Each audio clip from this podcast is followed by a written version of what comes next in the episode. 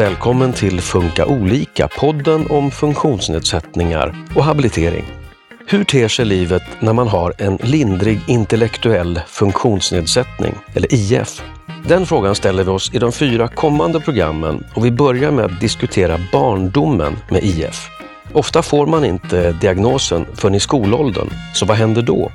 Och hur får man vardagen att fungera? Det är också en diagnos som inte är så tydlig eller som man har så mycket kunskap om. Eh, så det blir svårt att förstå. Vad är konsekvenserna? Hur kommer livet att bli nu för mitt barn? Att många föräldrar upplever det här med att om man, om man sätter dem i särskola eller byter skolform till särskola, då stänger man ganska många dörrar också. Och jag tror att det är det man kanske som förälder har kvar. Ja, men det kanske löser sig. De kanske kan liksom klara sig. Jag ser att vi har öppnat dörrar för honom genom att, att låta honom gå i särskolan, för han kan få så mycket mer stöd.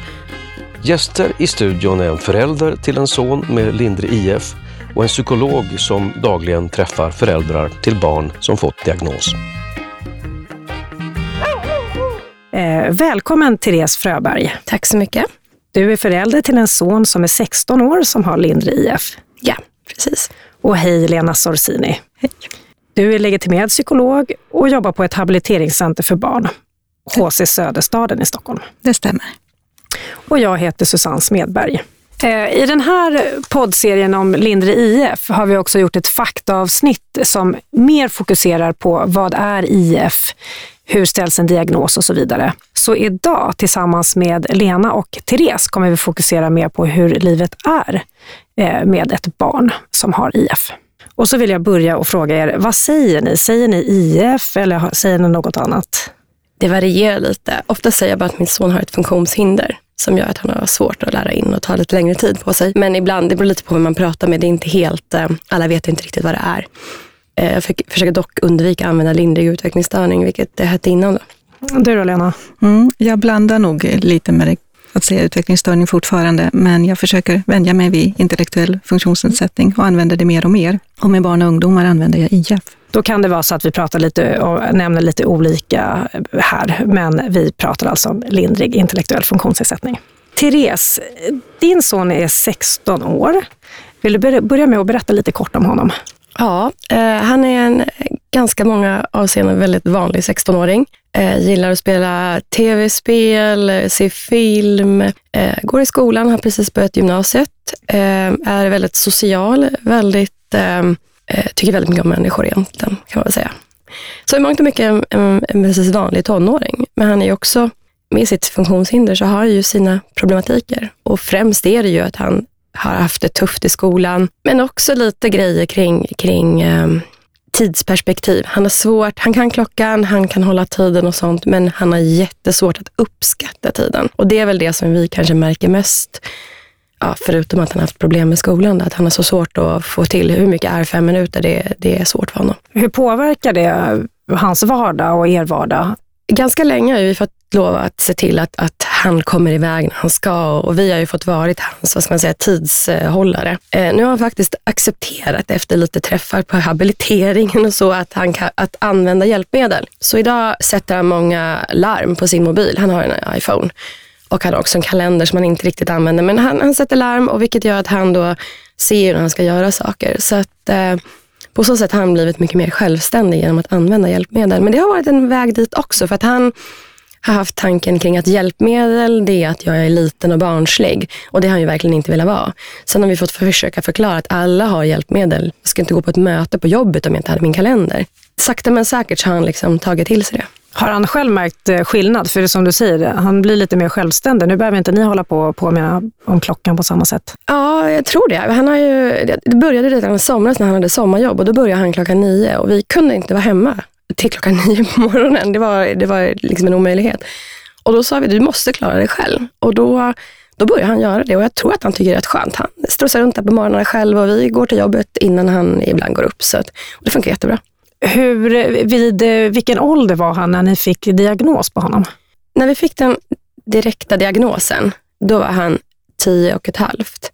Men då hade vi utrett honom första gången när han var sju, precis fyllda sju. Och sen utredde vi honom en gång när han var åtta. Men då kunde man inte riktigt sätta diagnos, eller det kanske man kunde, men, men man var inte tvärsäker. Det, det låg och vinglade lite. Så att, eh, då valde vi att inte sätta diagnosen för att han heller inte hade så utpräglade problem. Alltså skolmässigt, att lära sig det man ska lära sig i skolan var svårt, men han var socialt väldigt med. Men sen när han var tio och man började fjärde klass och så, där, så blev det en väldigt stort hopp. Och han klarade inte det hoppet, så då fick vi diagnosen när han var tio och ett halvt. Och när han var mindre då, märkte ni eh, någonsin då att eh, han kunde ha någon funktionsnedsättning? Ja, vår son har en tvillingsyster och eh, han, hon är ju då ganska tidig mycket, så vi kunde ju se att det var skillnad på dem. Men, men vi slutade ganska tidigt att jämföra dem, för det var inte meningsfullt. Men vi, vi kunde väl se lite efter, eller intellektuell funktionsnedsättning, det kunde vi inte föreställa oss. Att han hade någon form av funktionsnedsättning, det hade vi nog någon känsla av. Han, han var sen med talet, eh, eh han, han, han, klarade inte riktigt vissa situationer på förskolan. Han klarade inte riktigt det när alla stod i ett omklädningsrum och det var trångt. Och han förstod nog inte allting, men det var ju jättesvårt för oss att se. Men det var ju först när han började skolan ordentligt vi såg verkligen att här, här, här är det något mer. Då hände något som gjorde att det blev svårt. Det tog lite stopp, eh, eller vad man ska säga. Ja, han, han Ja, det, ja, det är svårt att säga, men, men det, det, att sitta i ett klassrum, då var de på sex års, då var det 40 barn och så skulle man ha samling. Det är nästan omöjligt för vår son. Det är för mycket intryck. Det, det klarar inte han.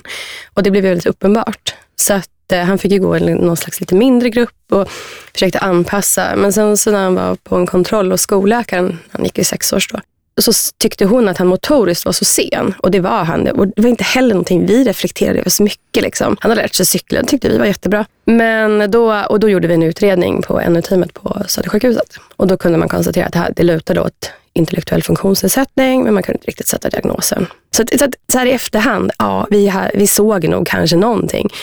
Men eftersom vi inte visste om diagnosen så var det jättesvårt för oss att sätta oss in vad det var. ADHD har man hört om, men den här diagnosen hade inte vi hört om så mycket. Lena, är det vanligt att eh, lindrig IF upptäcks lite senare? Att man i vissa fall kanske anar något, men i andra fall kanske man inte har någon aning alls? Ja, det är väldigt vanligt att det är så, eftersom lindrig IF kan man inte se så tidigt. Vi gör ofta en utvecklingsbedömning när barnet är fem inför att man ska börja skolan, men det är inte säkert att man kan se det då, utan man behöver några år i skolan. Eh, och det är då man märker att man, ja, man hänger inte riktigt med. Eh, det blir svårt och det är då man kan börja misstänka. Så det är rätt vanligt att man får diagnos när man har gått några år i skolan. Hur eh, reagerar föräldrarna då? Är det... det kan vara lite blandat. Jag tänker att för en del föräldrar så kan det ju vara en lättnad att man äntligen får någon slags förklaring kring barnets svårigheter och varför barnet inte utvecklas som andra. Men det är också en sorg att man, det blir lite svart på vitt att oj, är det så här det ska vara och vad innebär det här? Det är också en diagnos som inte är så tydlig eller som man har så mycket kunskap om. Eh, så det blir svårt att förstå. Vad är konsekvenserna? Hur kommer livet att bli nu för mitt barn? Och eh, det är då du ofta träffar de här föräldrarna. Eh, vad, vad säger du till dem? Jag tänker att i början handlar det ju jättemycket om att ge diagnoskunskap och, och, försöka hjälpa föräldrar och även barn och ungdomar själva att förstå sin diagnos. Vad innebär det här? Vad innebär det för mig? Så jag tänker att det är jätteviktigt i början. Kunskap helt enkelt. Ja. Och är det någonting som man är särskilt orolig för som förälder? Eh, jag tänker att det är mycket oro hur det ska bli. Man har ju ofta en bild när man eh, får ett barn hur utvecklingen ska vara hur det brukar vara. Och får man ett barn med en funktionsnedsättning eh, så blir det massa frågetecken. Man vet inte alls hur framtiden ska bli. Och många gånger, jag tänker lindrig IF, det är inte personer som det syns på. Vi ser inte dem i samhället. Man tänker en svårare grad av IF. Det är det man kanske har kunskap kring. Och då blir det ganska tufft när man tänker ja, det, det, är svårt att hitta något riktmärke kring hur kommer det att bli nu. Hur var det för dig då, Therese? När vår son fick sin diagnos eh, när han var tio och ett halvt, då var det mera det är klart att det var en sorg och det var, det var mer definitivt. Men, men när han fick eh, de första, när vi gjorde den första utredningen, när han var sju, då hamnade jag nog i någon form av, som, som Lena säger här, det här med chocken, sorgen och vad är det här, hur ska jag hantera det här och, och lite, eh, lite nästan, men gud, det var inte så här det skulle bli och, och lite svårt att acceptera. Och lite nästan, är det där min son? Var det så? Alltså lite så, men det var väldigt kort tag. Sen så insåg jag att ja, men nu är det som det är. Så får man ta det utifrån det. Och, eh, men det är klart att det är en sorg och en oro. Vad kommer hända? Vad kommer, vad kommer bli? Hur, hur ska han bli omhändertagen i resten av sitt liv? Och vad händer den dagen jag inte finns där eller min man inte finns där? Fick du någon hjälp att sortera de här eh, tankarna lite grann? Inte då, utan eh, då fick, vi fick en broschyr och eh, den, den psykologen som utredde då sa någonting som att ja, ja, men det, det är inte så farligt som man kan tro och sådär, men, men inget mer än så. Kändes det så då? Det är inte så farligt eh, som man kan eh, tro? Inte just där och då. Då kändes det inte så. I, nu, eh, när det har gått då nio år, så kan jag ju känna lite mer så. Och vad hände sen då för eh, din sons del? Vi hade, han, som sagt, han fick ju inte sin diagnos när han var tio och ett halvt, vilket innebär att vi under hans första år i skolan, där då fram till årskurs fyra, så gick ju han i vanlig klass. Han var socialt med och hade det bra och sådär och kompisar. Men som jag sa innan, då, så när han började fjärde klass så blev det ett, ett, ett hopp. Liksom. Skolan blev tuffare, eh, men också med skolkamrater. Han började hamna efter det också. Och då, det var då vi gjorde en, en utredning till och fick det här på pränt. Men, men de här första åren i skolan var ju ganska kämpiga för oss. För att vi, vi hade ofta samtal med skolan, det var elevvårdskonferenser, det var de här åtgärdsprogrammen i oändlighet som vi skulle göra och följa upp. Vår son klarade inte riktigt vissa situationer och vissa människor hade han lite svårare för att hantera. Så att det, det, blev lite, det var ganska slitigt som förälder. Jag var i skolan jättemycket och jag hade väldigt mycket samtal med skolan. Och det, så här i efterhand kan jag känna att, liksom att ja, det hade varit bra om, om vi kanske hade hanterat det på ett annat sätt. Men, men vi visste ju inget annat. Eh, och eh, när han bytte skola sen då, hur, eh, hur var det? Hur funkade det? Han bytte när han började femte klass och då bytte han till en särskoleklass och då valde vi också att byta skola för vi tyckte att det fanns en särskoleklass på hans första skola. Men vi tyckte att det kanske inte var så roligt att gå från sin vanliga klass till en särskoleklass lätt utpekande. Så att han bytte skola och bytte klass och det var jättebra jag hade ingen kontakt alls med skolan nästan. Eller jag var i alla fall inte där på elevvårdskonferenser och åtgärdsprogram varenda, var och varannan vecka. Så jag ringde skolan och frågade om allt var okej. Och de bara, nej men vi hör oss och inget är okej. Så det var en jättestor ändring för oss. Och så blev han sedd. Han fick vara en klass med tio elever, de hade assistenter. Så det var väldigt bra. Och eh, han började lära sig på ett annat sätt och fick faktiskt vara duktig istället för att alltid vara sämst. Hur är det med skolan, Lena? Är det vanligt eh, att det blir så här? Man går länge i eh, en klass och sen så eh, byter man senare i åren? Det är ganska vanligt att det blir så. Jag tänker dels för att man inte vet om diagnosen innan, så då hinner man gå några år i, i grundskolan först, innan man byter till särskola. Eh, och ibland även om man har diagnos eh, lindrig IF innan så väljer man ändå och tänker att mm, det är bättre för barnet att gå i en, i, i grundskoleklass. Eh, men min erfarenhet är att bytet till särskoleklass kommer förr eller senare. Ofta just inför mellanstadiet, därför att kraven blir för höga. Man, man hänger inte med. Och det Therese beskriver också, att, jag menar, att vara den som alltid har svårast, det är tufft. Och att då komma in i en särskoleklass och känna att nej, men här är jag den som är bäst istället, det gör ju jättemycket för självkänslan. Så att, eh, bytet kommer ofta, men, men man kan behöva prova. Och det är ofta en tuff period, för det är ju inte bara inlärningsmässigt man inte hänger med, det är just det här med kompisarna också. Det, man är ju långsammare där också, så att det är svårt att hänga med även i kompisrelationerna. Och det är oftast det som märks först. Men det, det finns något som jag tror heter integrerad Mm. skola. Eh, vad innebär det? Eh, att vara integrerad betyder ju att man kan läsa efter särskolans läroplan som gör att man har lägre krav då, alltså det är inte grundskolans läroplan utan särskolans egna läroplan. Eh, och så kan man gå i en vanlig eh, grundskoleklass ändå. Det kan fungera, tänker jag, på lågstadiet, men det fungerar heller oftast inte så bra, tycker jag, i, i, i mellanstadiet. För att det är, det är för svårt, det är för hög, snabbt tempo. Man ska lära sig saker fort. Och det gör man inte när man har en lindrig IF, det går lite långsammare. Är det enkelt att byta till särskola? efter att ha fått en diagnos? Nej, jag tänker att det aldrig är enkelt. Eh, om jag tänker utifrån eh, barn och ungdomar själva, så tänker jag att det är ett svårt byte. Att plötsligt komma in i en mindre klass, även om man kan känna att jag får mer hjälp här, så är det det här att identifiera sig med att här ska jag gå. Eh, och ofta blir känslan att alla andra i den klassen har mycket större svårigheter. Så kan det ju vara också, men, men jag tänker att det är ofta den känslan man har. Varför ska jag gå här? Jag har inte så stora svårigheter, så att det handlar mycket om att försöka landa i diagnosen och så. Det är därför det är så viktigt, tänker jag, med kunskap kring diagnosen, för att också förstå varför behöver jag gå i den här klassen. Jag tänker om man eh, då väljer att eh, gå kvar i skolan, hur länge klarar man det då? Alltså om man väljer att inte byta till särskola? Eh, jag tänker att jag har ju träffat barn och ungdomar som även har gått högstadiet i grundskolan, men det är tufft. Det är jättetufft. Så jag tänker att nej, jag brukar vara ganska tydlig med att man behöver ofta byta i mellanstadiet. Och ofta, om man inte har gjort det, så är det väldigt aktuellt inför högstadiet, för då ökar kraven ännu mer. Ni verkar ju vara nöjda med bytet till särskola. Ja, jo, men vi, vi var nöjda. Eh, vi såg det vid den tidpunkten, det fanns inga alternativ. För vår son, den skolan han gick i, vi, vi försökte ta upp det här med integrerat. Men eh, då upplevde vi inte att skolan var intresserad av det. Nu är det ju här ganska några år sedan, så jag vet inte hur det ser ut idag. Men då, då var skolan var väldigt tydliga med att det var inte någonting de såg. Så att, eh, och då, då var det då vi valde att byta. Hur kände ni för det då? Var det lätt beslut att ja, men nu provar vi särskola eller eh, hade ni någon tanke om att ändå fortsätta i grundskola? Nej, jag vet inte. Det är väl sällan man gör lätta beslut kopplat till de här delarna. Jag tror att när vi väl hade bestämt oss, jag och min man, så var det ett ganska lätt beslut. Eh, men det, det, det, hängde ju på också att, att vår son, när vi var och hälsade på den här skolan, tyckte att det var bra.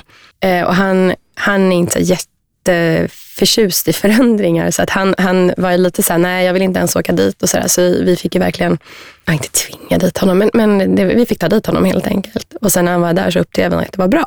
Så att, och då blev det ju ett, ett lätt beslut. Om man säger. Men, men det är klart att allt kopplat till vår son kring beslut vi tar är såklart inte lätta beslut. Och jag tror ju lite som att många föräldrar upplever det här med att om man, om man sätter dem i särskola eller byter skolform till särskola, då stänger man ganska många dörrar också.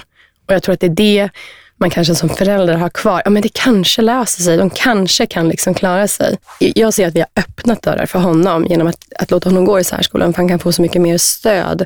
Och nu när han går i gymnasiet så ser vi att de tittar ju inte bara på de här fyra åren man går på ett särskolegymnasium, utan man tittar också på att hitta vad ska våra elever göra dag ett, år fem? Vilket jag tycker som känns som väldigt, väldigt bra. För det målsättningen för mig och min man med vår son är ju att han ska kunna bli så självständig som möjligt som vuxen och, och hitta ett yrke. Sen om det blir en sysselsättning, ett, ett, vad det nu blir, det, men att, att göra någonting, få ett meningsfullt liv. Så det är det vi, vi känner och jag känner att, att, att låta honom gå i särskolan är en del i det, för vi tror att det öppnar vissa dörrar för honom. Utöver särskola, får ni någon annan hjälp eller stöd? Ja, vi har haft det i lite perioder. Så vi har haft kortis ett tag för vår son. Eh, det var inte riktigt för honom, så det hade inte så långt tag. Sen hade han ett tag fritids, när han gick i sjunde klass, så finns det inte fritids i skolan. Så då får man söka om det via LSS. Det hade vi också ett tag, men sen har han klarat sig själv på eftermiddagarna. Eh, nu håller vi precis på att få hjälp via LSS för att få en kontaktperson, för att han ska kunna komma ut lite. Han, han är mycket hemma och han skulle behöva göra lite annat. Så det ska vi ha ett möte om i eftermiddag faktiskt. Sen har vi haft kontakt med habiliteringen kring olika saker. När vår son hade det jobbigt med, med sin diagnosacceptans i kombination med att komma in i tonåren så har vi träffat Lena och en kollega till henne. Och vad fick ni för typ av hjälp då? Nu får du rätta mig om jag har fel, men vi jobbade med en metod som heter mentalisering, eller hur? Mm. Där, där vår son träffade en psykolog och pratade om hans upplevelser av saker och ting. Och så träffade jag och min man Lena, som pratade vi om vår upplevelse och, och liksom hur vi ska kunna hantera olika situationer kring vår son. Eh, och vi höll på 12 veckor tror jag det var. Så att, eh, det, var, det var väldigt bra. Eh, och det var väldigt skönt att, för mig och min man att prata med någon. För att det vi hade en ganska tuff period familjemässigt. För vår son var väldigt missnöjd med väldigt mycket. Hur är det med eh, kunskap om diagnos? Är det någonting man pratar om i särskolan till exempel? Ja, det ska man göra. Sen är det väl lite olika, lite olika hur man gör, men, men till viss del gör man det. Jag skulle kanske önskat att man gjorde det mer. För jag, kan, jag tror att vår son hade problem med, med, med, med, sin egen självbild när han var kanske 13-14 år. Och, eh, och det var mycket snack i hans klass, framförallt mellan några killar, att de inte hade det här funktionshindret. Och de var bara där av en händelse ungefär. Och det var väldigt mycket sånt. Och det, det tror jag skolan kunde hade kunnat dämpat lite genom att prata mer om det. Men, eh, men jag upplevde inte riktigt att så var fallet. Eh, nu på gymnasiet är det mycket mer, skulle jag säga. Där är man mycket mer eh, tydlig med och hjälper barnen. För att de jobbar ju också på att de ska bli självständiga. Och när de fyller 18, det är inte så att de är omyndigförklarade eller någonting. De är ju, då är de myndiga och då är de ansvariga för vissa saker själva. Så det är jätteviktigt att de får med sig det. Har det hjälpt eh, honom att eh, få mer självinsikt och självkännedom just gällande diagnosen? Idag så är han ju, accepterar han sin diagnos väldigt väl och han har också börjat berätta för vänner han har som sitter liksom utanför hans särskola då, och som inte vet innan han sätter. Han brukar ja, nu, nu idag berättar jag för honom att jag har den här diagnosen. Och han sa, det är inget att skämmas för. Och det, det är lite det som han, han, han, han har haft en känsla av att han ska skämmas för att han har den här diagnosen. Eh, vilket såklart inte han ska och vi har aldrig sagt det någonsin heller. Men han har haft den känslan. Om vi går in eh, lite på det här med familjen, vi nämnde det lite grann. Hur är det, ser familjelivet ut när man har ett barn med lindrig IF? Vi har ju levt som alla andra familjer. Så största utmaningen för er är vad då skulle du säga? Det är så svårt att pinpointa, liksom, vad är utmaningen? Men, men det är väl liksom det här med att få honom att vilja saker när han inte vill och att liksom hamna i de situationerna. Och, och det har väl kanske blivit, han blir ju mer en egen person ju äldre han blir och vill saker, precis som alla andra tonåringar, precis som vår dotter hamnar också i. Och det är såklart att det, det kanske är, han kanske är svårare att, att um, övertala, att få honom att få med sig. Han kan vara liksom väldigt envis på, nej jag tänker inte, jag ska inte göra det här. Sen gör han det oftast ändå, men, men det, det, är så att det, det kräver mycket mera mental energi av oss att, att få saker att ske, skulle jag säga, än, än kanske gör om man tittar på vår dotter. Lena, hur är din eh, uppfattning eller erfarenhet? Hur brukar eh, livet för familjen se ut? Jag tänker vi brukar prata om att det är ett utmanande föräldraskap. Det är svårare än för andra och har man ett barn med, med lindrig IF så tänker jag man har ett barn som, som är som ett yngre barn mycket längre period eh, och behöver finnas där och stötta och anpassa när andra i motsvarande ålder blir mer självständiga. Eh, och, och, det kan vara tufft och det är utmanande många gånger. Och att man behöver eh, ta om saker. Andra barn, när man liksom säger till eller planerar eller förändrar, så går det ganska fort. Men för någon med IF så tar det ju längre tid allting, så att man, man behöver eh, finnas där på olika sätt mycket, mycket mer. Vad får man för stöd eh, från dig till exempel, eller andra som förälder att hantera de här situationerna? Jag tänker att vi på habiliteringen, dels så så finns eh, kurator och psykolog som man alltid kan vända sig till just för att prata kring förhållningssätt och tankar och funderingar. Sen jobbar vi också eh, väldigt mycket med arbetsterapeut för att fundera kring vad kan man, ja, barnet och ungdomen behöva för kognitivt stöd i vardagen kring struktur, tydlighet, det här som Therese var inne på med tid. Tidsuppfattning är jättesvårt och där finns det olika hjälpmedel och eh, appar och sånt som kan vara till hjälp så att man kan ändå bli självständig i det så småningom. Och sen det som Therese också var inne på, såklart eller LSS, att kunna få stöd från kommunen med, med kortis eh, eller en ledsagare som kan följa med till aktiviteter så, så att man också blir avlastad. Är det vanligt att eh, barnen eh, är hemma mycket? Att man inte har så socialt liv eller aktiviteter? Det är vanligt, därför att går man i särskola så är det ju så att barnen, de andra i klassen, kommer ju från olika delar av, av stan. Det är inte så att alla bor precis nära som det är för andra. Eh, och då, gör, då är det svårare att träffas. Man kanske inte heller har den drivkraften på samma sätt att, att träffas, eller att man behöver stöd och hjälp om man ska träffa en kompis i att planera det, att genomföra det, att ta sig till kompisen. Eh, så att det krävs mycket mer planering från, från föräldrarnas sida, att hjälpa till med det. Eh, och det gör det svårare. Och att man också då behöver hitta fritidsaktiviteter, det kan också vara svårt. För det är lite samma sak där, att de fritidsaktiviteter som finns för personer med IF, det kanske är så att många av dem, det kanske är personer där det syns mera på att man har en och då känner man inte när man har en lindrig IF och det inte syns att jag passar inte in där, varför ska jag gå där? Så att det är svårare. Och så kanske man inte riktigt hänger med i en vanlig fotbollsträning så där, där det är barn utan funktionsnedsättning, för där går det lite för fort. Hur är det för eh, din son? Har han fritidsaktivitet? Eh, inte inte nu. Eller han har, han, eh, han har gått på en, en golfträning där det faktiskt är en, en eh, e-handy-golf inom svensk, Svenska Golfförbundet som har liksom olika klubbar som de har då, där han har varit. Så det var jättebra. Eh, han har haft lite aktiviteter under sina uppväxtår. Han spelade fotboll med en, en vanlig eh, grupp. Och det är som sagt, efter ett tag så blev det för tufft. Liksom. Han hängde inte riktigt med. Och sen också lite utsatt av de andra, vilket inte heller var så roligt eftersom han inte då lite motorisk sen och sådär så blev det inte riktigt bra. Han har också provat lite ehm, aktiviteter med um, olika, för, för, för, olika grupper med funktionsnedsättningar. Men det har inte heller varit bra för att han höll på med det när han kanske var 13 och många i det här laget var ju liksom 25.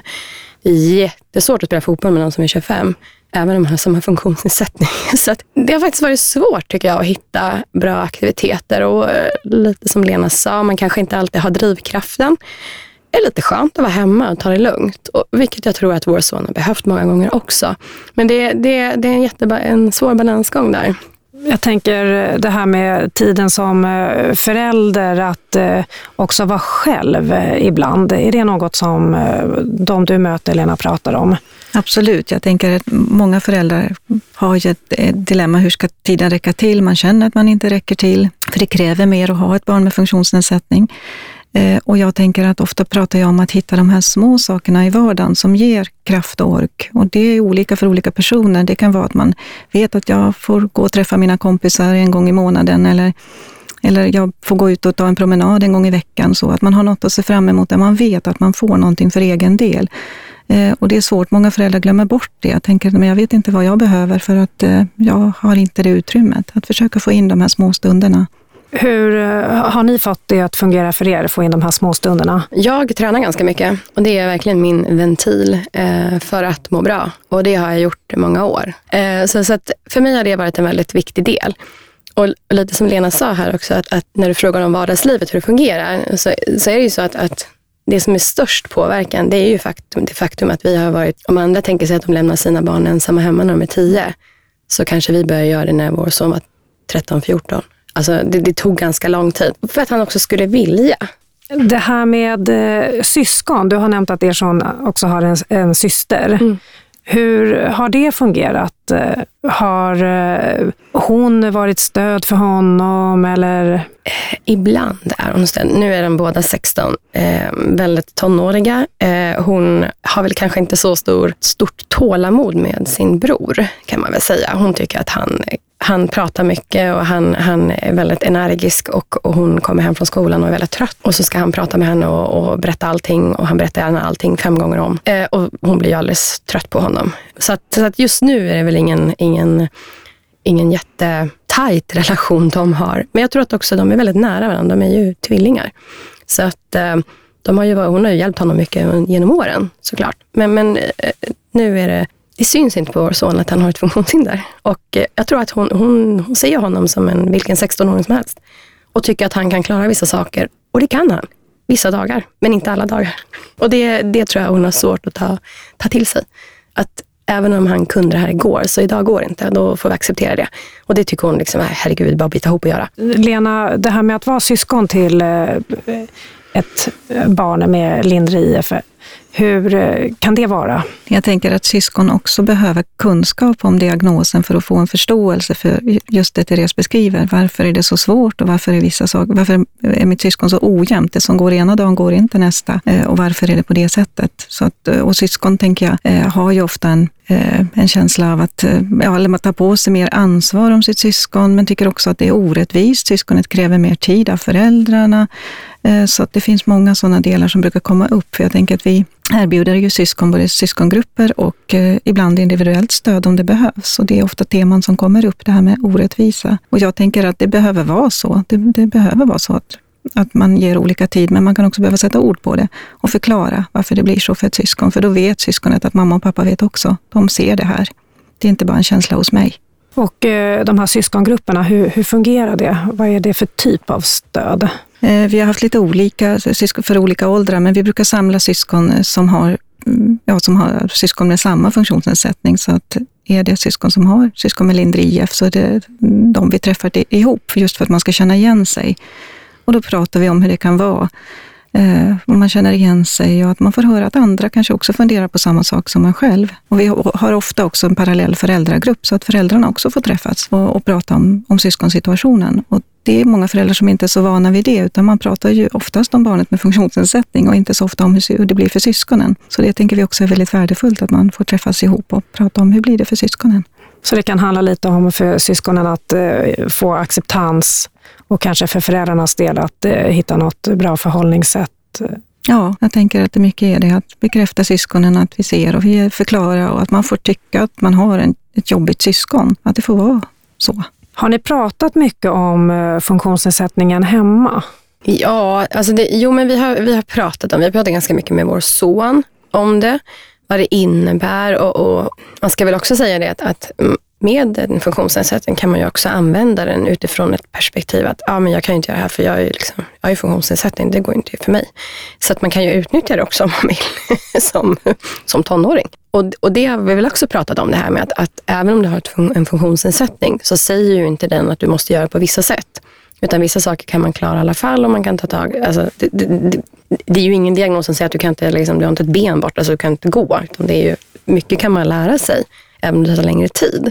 Det har vi pratat mycket om, att man inte behöver, att även om man tycker att det känns svårt just nu så kan man jobba på att lära sig. Ehm, jag har pratat en del med vår dotter kring det här, lite så här, för att försöka få in den här kunskapen.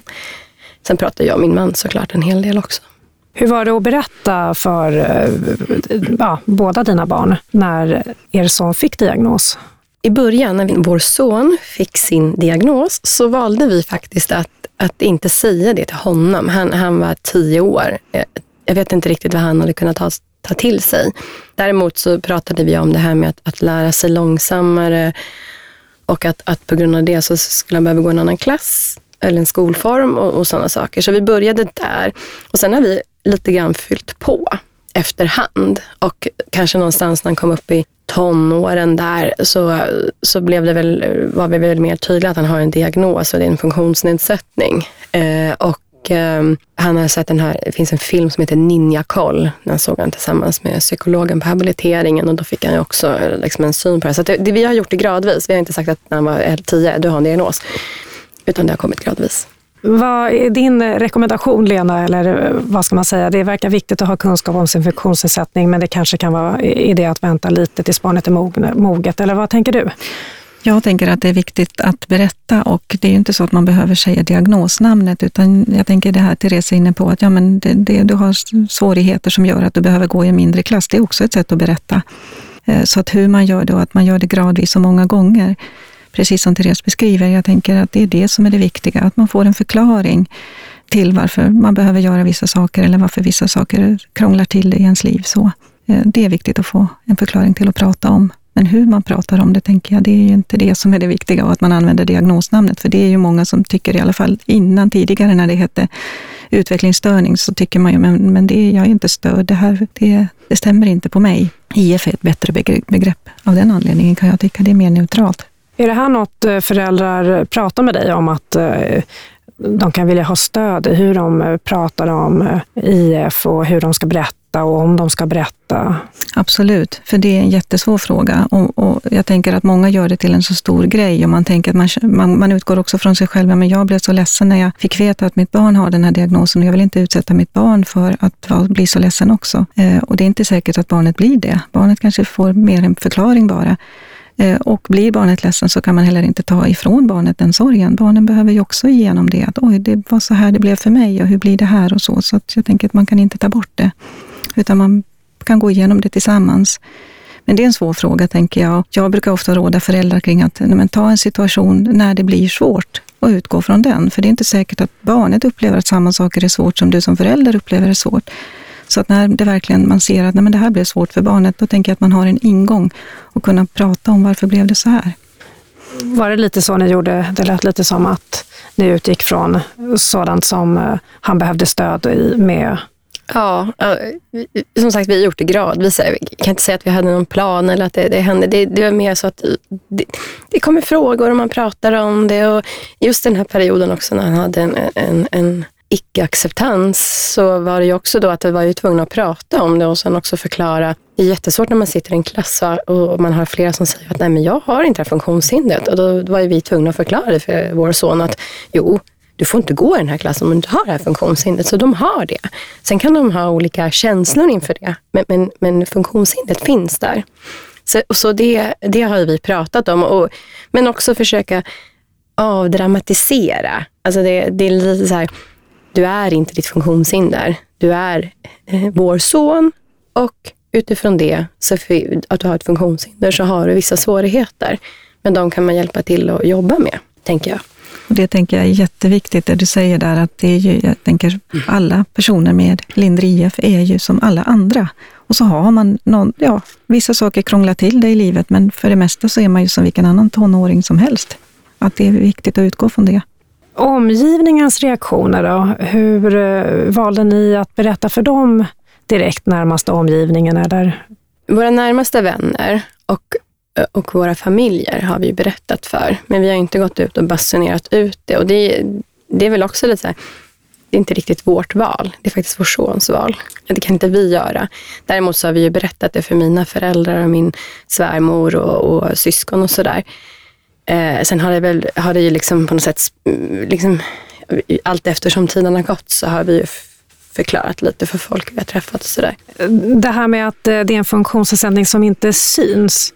Är det något som påverkar eh, ja, hur omgivningen eh, reagerar eh, när man säger att ja, personen har lindrig IF eller beter sig? Det gör det, för syns ett funktions, en funktionsnedsättning så är det så mycket lättare att ta till sig att det är någonting. När det inte syns så är det så mycket svårare att förstå. Och har man en lindrig IF när det inte syns alls så, så är det ju lätt att man får för höga krav, för, för stora krav på sig för att det inte syns. Och för, omgivningen förstår inte svårigheterna eller att det kan vara ojämnt från dag till dag också. Och jag tänker att man berättar för dem där man tänker att det är till nytta för barnet. Eh, att det, det, blir en hjälp, barnet får en större förståelse, men man har ingen skyldighet att berätta för andra. Det är också viktigt att tänka att det, man behöver verkligen inte berätta för alla, man berättar då när det är till hjälp. Precis, jag tänker också det att omgivningen kan vara till stort hjälp om de bara vet till exempel att vissa saker kan ta lite längre tid mm. eller att de vet hur de kan stötta upp så underlättar det också umgänget. Absolut. Sen ska jag säga det här med att, att, att ha ett funktionshinder som inte syns. Det är faktiskt svårt som förälder ibland också. Vi ser ju inte heller det. Alltså vi kan ju se vissa saker men är, ibland kan man känna att man ställer kanske lite för höga krav. Men det är svårt att veta. För eh, spannet man kan växla mellan, känns det för vår son i alla fall, det kan vara liksom från 5 till 18. Alltså i, i den ålder han är. Och, och så har det nog nästan alltid varit. Och veta exakt var är han nu, det är en utmaning. Jag tänker om vi hoppar framåt lite i tiden. Eh, framtiden, vad händer efter skolan? Är det sådana saker som man grubblar över, oroar sig lite över? Absolut, visst är det så. Jag tänker att redan när barnet är litet, om man har en diagnos, så är man där framme i framtiden och tänker, hur blir det nu? Eh, det är så mycket frågetecken och så, så det är svårt att inte hamna där, att tänka, hur blir det nu? Hur blir det sen? När jag inte finns, vem ska då ta hand om mitt barn? Det är mycket frågor i framtiden. Eh, och det viktiga är väl att inte vara för mycket i framtiden och grubbla, utan också kunna vara här och nu, att hitta en balans i det. Jag tänker, du nämnde att eh, särskolan också eh, planerar lite för framtiden. Man får en idé om eh, kanske ja, de här jobben. Är det någonting som har känts bra för er del, att ni har någon lite lugnare bild inför framtiden? Absolut. Eh, vår son går ju i gymnasiesärskolan nu och den skolan i alla fall känns väldigt bra på det. Eh, och de har mycket praktik årskurs tre och fyra. Och förhoppningsvis då i det så ska man kunna hitta en, en sysselsättning framåt. Så att det känns jättebra och det visste faktiskt inte jag innan, han, innan jag började titta på särskola och gymnasium då inför gymnasiestart. Så att det, det känns jättebra. Eh, men sen finns det andra orosmoment. Vi bor i Stockholm, det är jättesvårt med lägenheter. Vår son behöver också kunna flytta hemifrån en dag och hur ska det gå och mycket sådana saker. Så att det är klart att det finns en oro men jag, lite som Lena säger, jag försöker inte fastna i framtiden heller för att vi vet inte vad som kommer hända. Eh, så att eh, det är bättre att ta det här och nu och se till att, vad ska man säga, bygga upp självförtroende och självständighet så att det kan bli bra i framtiden. Genom att, att eh, peppa vår son helt enkelt att, att klara sig själv och klara av många saker. Är det ett bra sätt att eh, förbereda inför framtiden? Om man tänker, om man är förälder och känner, hur kan jag liksom förbereda så att det blir så bra som möjligt för mitt barn? Jag tänker precis det Therese säger. Peppa inför framtiden, skaffa den kunskap som går själv kring hur, hur blir det, hur brukar det se ut för andra med lindrig IF? Eh, så, för man kan ju ha en helt felaktig bild av hur det, hur det brukar vara. Om man inte heller känner så många andra med lindrig IF så är det svårt att veta hur, hur brukar det se ut. Kan man ha en egen bostad? Kan man ha ett jobb? Det är, det är frågor som, som ofta kommer. Är det bra att, eh, jag tänker du nämnde tidigare syskongrupper och föräldragrupper, det här med att träffa eller i alla fall ha kontakt med andra i samma situation, kan det stärka Ja, det tänker jag att eh, det är ju det både, både syskon egentligen och föräldrar säger, att det, det allra bästa stödet är att få träffa andra som är i liknande situation och höra hur de har det, hur de tänker och vilka lösningar de gör och så. Det är det allra viktigaste. Har ni eh, varit i sådana grupper eller forum eh, med andra föräldrar som har barn med lindrig IF? Forum via nätet har jag varit med i, eller är med i. Um, jag har nog inte, jag vet inte, jag måste tänka om jag har varit i någon föräldragrupp. Jag tror inte det. Uh, det har nog inte bara blivit så. Uh, jag hade nog kanske varit hjälpt av det när vår son var yngre. Nu känns det som att, att jag kommer så pass långt. Liksom. Eh, jag backar lite till det här med kompisar, för det är ju någonting, vi var inne på fritidsaktiviteter. Eh, är det vanligt att man är ganska ensam? Eh, hur gör man med kompisbiten? Finns det någon jag tänker att vi försöker hjälpa till med att hitta olika arenor för där man kan träffa kompisar. Eh, att ge tips på fritidsaktiviteter eh, så att man kan hitta sådana sammanhang och, och, göra saker som man tycker är kul ihop med andra. Det är inte helt lätt eh, att hitta. Det säger ju många föräldrar så.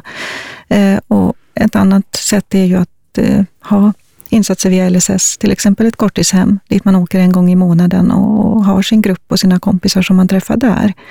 Men att ha olika arenor så, eh, inte bara skolan, utan att försöka hitta fler. Du nämnde Therese kontaktperson, att ni ska träffas och söka stöd ja, för det. Precis. Är det lite i syfte att eh, hjälpa till med social aktivitet? Eller? Ja, en kontaktperson använder man eh, som en, en kompis helt enkelt, fast man har en då som, som man får via LSS. Och då man kanske går på fotboll eller bio eller går fikar lite för att komma hemifrån och träffa någon annan. För det är också viktigt att, att eh, som tonåring få, få annan stimulans också.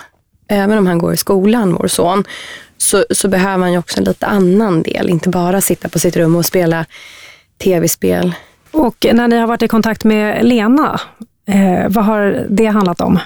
Lena på habiliteringscenter, tänker jag. Eh, ja, men det var ju det vi pratade om, det här med mentaliseringen förut. Och sen har vi pratat också kring, kring hjälpmedel. Eftersom vår son var lite tveksam till hjälpmedel så har vi jobbat med det. Men då har vi också haft hjälp med en, en vad heter de? En arbetsterapeut. Precis, en ja. arbetsterapeut. Så att vi kan ha fått hjälp. Eh, så det var bara det.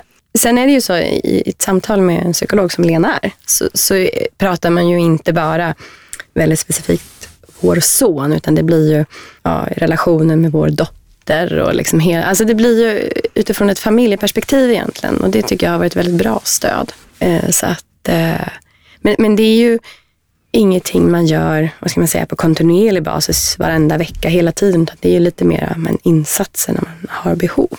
Eh, beskriver här eh, ganska bra den hjälp man kan få från ett habiliteringscenter. Jag tänker att vi är ett team som finns kring familjer och barn. Jag tänker just det här perspektivet försöker vi tänka också. Vi är eh, habilitering för hela familjen. Så det är inte alltid så att vi träffar personen med funktionsnedsättning, utan vi kanske just behöver träffa syskon och föräldrar mer. Eh, så kan det se ut. Eh, men att det är mycket stödsamtal på olika sätt, både till föräldrar, syskon och eh, personen själv med, med IF. Eh, och eh, att tänka kring kognitivt stöd. Hur ska man bli så självständig som det bara går? Hjälpa till med den biten, det är det, det som känns viktigast. Och hur eh, kommer man till eh, dig eller ett annat habiliteringscenter? Ofta kommer man ju till habiliteringscenter med, med remiss från en läkare eller en skolpsykolog till exempel som har gjort en utredning. Men har man ett underlag, en utredning som visar att man har en lindrig IF så kan man ju också söka själv som förälder. Och är det dig man har kontakt med hela livet sen eller ändras det när det barnet blir vuxet? Ja, det är ju uppdelat så. Vi på, på ett barnhabiliteringscenter har kontakt med familjerna tills barnet fyller 18. Och sen finns det vuxenhabiliteringen där man kan få fortsatt stöd på samma sätt. Och eh, om det är någon som lyssnar nu, någon förälder som, eh, vars barn precis har fått en diagnos, har du något eh, tips till den personen? Hur kan man tänka eller agera?